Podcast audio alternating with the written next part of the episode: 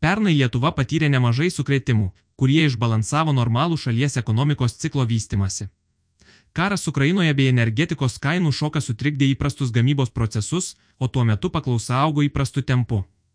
Susikloščius tokioms aplinkybėms, Svetbank skaičiuojamas ekonomikos temperatūros indeksas pakilo į dešimtmetį nematytas aukštumas ir signalizuoja apie ekonomikos problemas.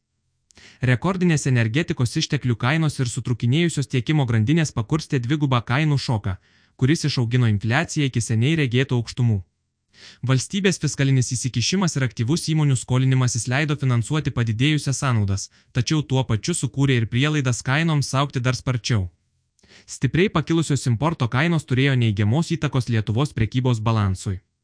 Nors šalies eksportuotojams sėkmingai sekėsi plėsti gamybą ir parduoti savo produkciją užsienio rinkose, rekordinės energetikos kainos atvėrė didelį užsienio prekybos deficitą. Tuo metu vidaus paklausa augo gana sparčiai spartus atlyginimų, užimtumo ir socialinių išmokų didėjimas augino nominales gyventojų pajamas ir tai leido palaikyti vartojimą nepaisant rekordinės infliacijos. Dėl pabėgėlių srauto iš Ukrainos pastebimai išaugo gyventojų skaičius ir tai suteikė papildomą postumį vidaus paklausai. Be to, praėjusiu metu pradžioje stebėtas itin aukštas būsto rinkos aktyvumas, o būsto kainos augo penktadaliu ir aplenkė atlyginimų augimą bent dalyje segmentų būsto rinkos ir kainų augimas jau buvo tapęs netvariu. Daugelis šių rodiklių signalizuoja, kad Lietuvos ekonomika veikia aukščiau savo potencialo. Svetbank skaičiuojamas ekonomikos temperatūros indeksas pernai sparčiai šovė į viršų ir atskleidė ryškius makroekonomikos disbalansus. Šis perkaitimas neįprastas. Paprastai ekonomikos perkaitimas kyla dėl itin sparčiai augančios paklausos, kai gamybos pajėgumai nesugeba pavyti noro vartoti ir investuoti tačiau šiuo metu fiksuojamas ekonomikos perkaitimas yra labai neįprastas. Vidaus paklausai sparčiai atsigavus po pandemijos jos augimas neviršijo ilgalaikių tendencijų ir normaliais metais tokia vartojimo ir investicijų dinamika jokių problemų nekeltų. Nors pastarųjų trejų metų fiskalinė politika, ko gero, šiek tiek persistengė ir prisidėjo prie perteklinės paklausos sukūrimo, tačiau jos reikšmė nublanksta palyginti su išorės sukretimais.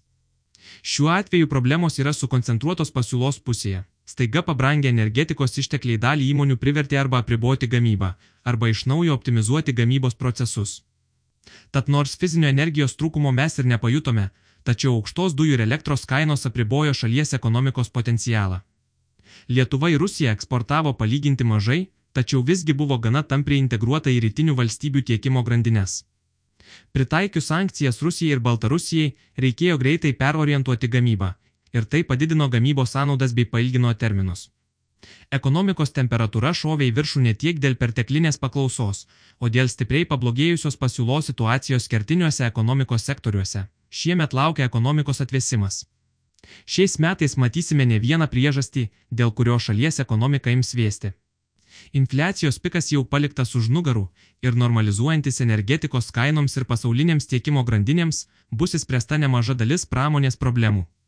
Lėtėjanti pasaulio ekonomika neigiamai paveiks ir Lietuvos augimą, gali šiek tiek pakilti nedarbo lygis, kuris atvesins ir atlyginimų augimą. Ekonominė politika šalies ekonomika viena ranka skatins, o kita slopins. Vertinant pagal dabartinius planus, Lietuvos fiskalinė politika bus toliau skatinanti ir augančios socialinės išmokos ir valstybės investicijos skatins vidaus paklausą. Kita vertus, Europos centrinis bankas sparčiai didina bazinės palūkanų normas bandydamas atvėsinti Europos ekonomiką. Augančios palūkanos turės neigiamos įtakos gyventojų disponuojamoms pajamoms, jos taip pat gali atvesinti būsto rinką bei verslo investicijas. Struktūrinės ekonomikos problemos - akivaizdžios. Lietuva jau yra pasiekusi energetinę nepriklausomybę nuo Rusijos ir nors tai mums šiais metais be galo padėjo, tačiau visgi neįsprendė visų energetikos problemų. Lietuvos energijos gamybos pajėgumai nei iš tolo negali patenkinti šalies poreikių. Dideli importuojamos energijos kiekiai padaro Lietuvos ekonomiką pažeidžiamą esant tokiems šokams, kokį patyrėme pernai.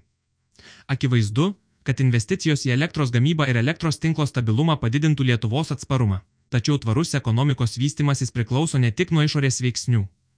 Pastaruosius penkerius metus darbuotojų atlyginimai Lietuvoje augo itin sparčiai.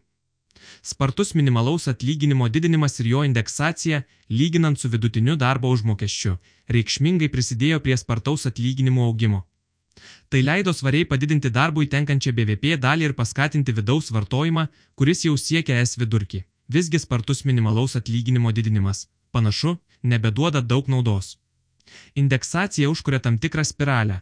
Augantis vidutinis atlyginimas lemia didėjantį minimalų, tačiau padidėjus minimaliam atlyginimui ir likę darbuotojai reikalauja didesnio atlygio ir padidina vidutinį. Šis mechanizmas buvo labai naudingas, kai darbui tenkanti pajamų dalis buvo itin maža, tačiau ateityje tai gali kurti nuolatinį spaudimą kainų didėjimui.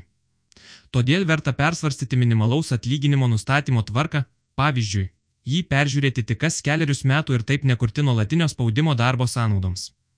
Nustatant MMA, taip pat vertėtų atsižvelgti ne tik į vidutinio atlyginimo augimą, bet ir į eksportuojančių sektorių produktyvumą.